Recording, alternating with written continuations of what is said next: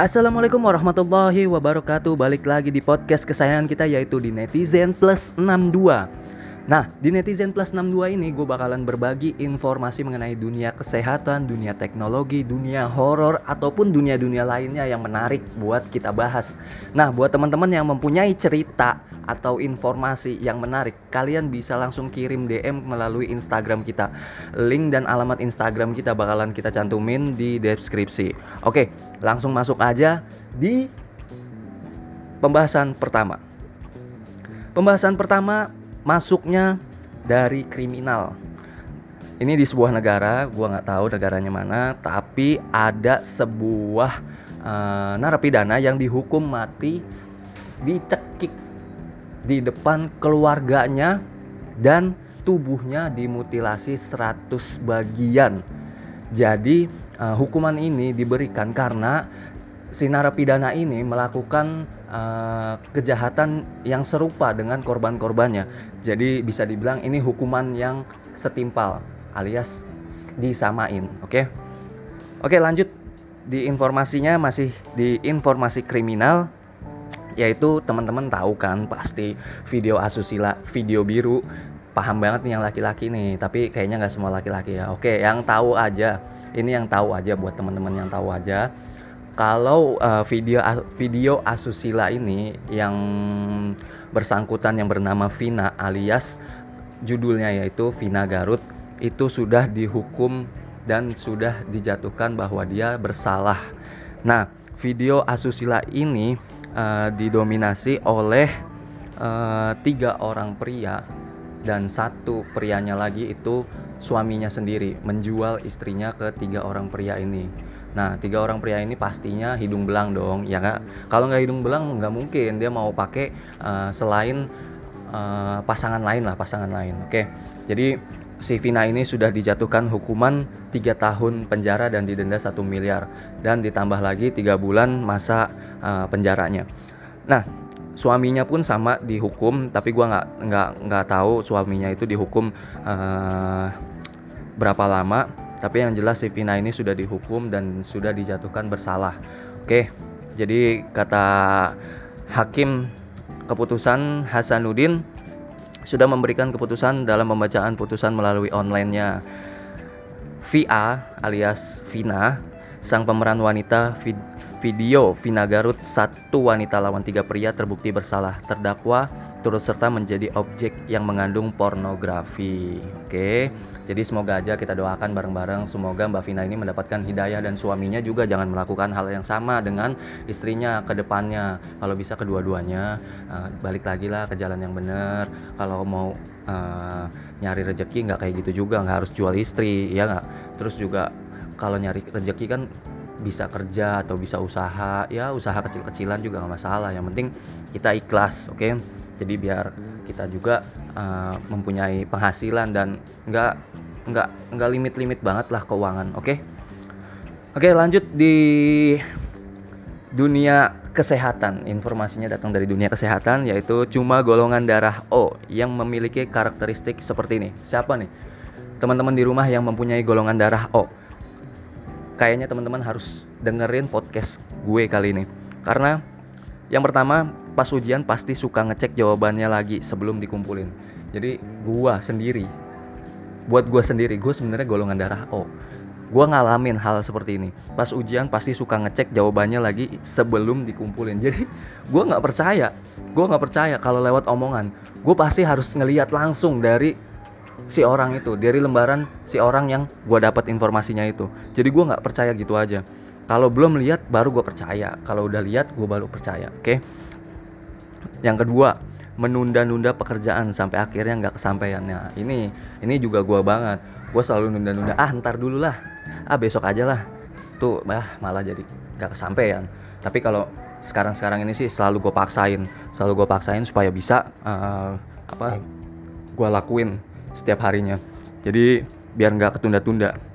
Oke yang ketiga belajar paling efektif kalau sambil baca keras-keras. Dulu gue kecil disuruh sama bokap gue nggak boleh baca dalam hati. Gue harus baca secara keras-keras. Maksudnya uh, diucapkan nggak boleh di dalam hati. Kalau di dalam hati katanya masuk masuknya nggak nggak nggak ke otak. Jadi mental lagi gitu kata kata bapak gua kata bapak gua. Dan keempat golongan darah O suka punya banyak teman dan kadang ia juga agak hyper hingga nggak bisa diam di tempat di kelas maunya sih muter-muter terus cari teman sana sini. Nah dari gua sekolah sampai sekarang di dunia kerja sama gua selalu uh, cari-cari temen cari-cari temen tapi bukannya pilih-pilih ya. Ini gue cari-cari temen dan supaya gue bisa dapat banyak kenalan atau relasi-relasi yang bisa buat gue jadiin uh, sumber informasi ataupun sharing-sharing cerita lah. Itu itu gue banget. Nah yang kelima golongan darah O umumnya adalah orang-orang yang tegas dan berpendirian kuat. Sebenarnya kalau tegas gue nggak terlalu tegas tapi kalau berpendirian kuat iya gue berpendirian kuat. Kalau gue bilang ini ya gue harus jalanin dulu ini. Walaupun nanti hasilnya gagal ya udah karena ini udah pilihan gue oke yang keenam golongan darah O pasti selamat kalau masuk film horor karena tingkat perjuangan hidupnya sungguh tinggi. Ya karena gue nggak pengen gitu aja nyerahnya. Gue pengen ada hasil dan gue nggak pengen uh, mati secara konyol lah istilahnya. Gue pengen uh, semuanya itu berubah dengan hasil kerja keras gue oke lanjut. Golongan darah O memiliki opini yang kuat namun golongan darah O terkadang suka plin plan. Oke, okay, plin plan gue akuin gue juga plin plan. Tapi plin plan gue uh, kalau dalam hati gue ngejanggal ada yang salah, gue jadi plin plan kayak gitu. Misalkan satu keputusan udah gue jalanin, tapi di tengah-tengah ada aja godaannya. Jadi gue plin plan. Ada yang ngajakin ke sini lah, ada yang ngajakin ke situ. Jadi hitungannya uh, terbawa arus lah ya. Kalau gue pribadi gampang kebawa arus. Tapi alhamdulillah arus yang gue ikutin ini arus arus baik ya. Bukan arus mudik bukan arus balik juga. Jadi arus kebaikan. Oke lanjut di nomor 8 terkadang golongan darah O adalah orang yang impulsif alias suka mengambil keputusan secara spontan. Iya bener banget ini. Jadi dulu gue pernah ada cerita uh, gue digaji sama satu perusahaan. Dan gaji gue itu menurut gue uh, nggak nggak masuk akal dan dan ngeganjel aja. Sesampainya gue di rumah gue kasih uangnya ke istri gue dan ternyata spontan aja gue gue suruh cek keuangan uh, dari gaji gue bulan ini langsung ke istri gue gue bilang langsung coba mah dicek uh, gaji gue bulan ini. Di total uh, kalau ada kekurangan bilang sama gue ntar biar gue samperin ke bagian keuangannya. Dan ternyata bener. Dan jadi itu buat gue uh, keputusan-keputusan spontan itu pernah terjadi di hidup gue gitu loh. Dan nggak nggak nggak jarang tapi sering gitu. Oke yang kesembilan. Golongan darah O juga orang yang nggak gampang sabar. Kalau nyetir dan macet O pasti yang paling ribut sendiri. Ngebel kanan kiri.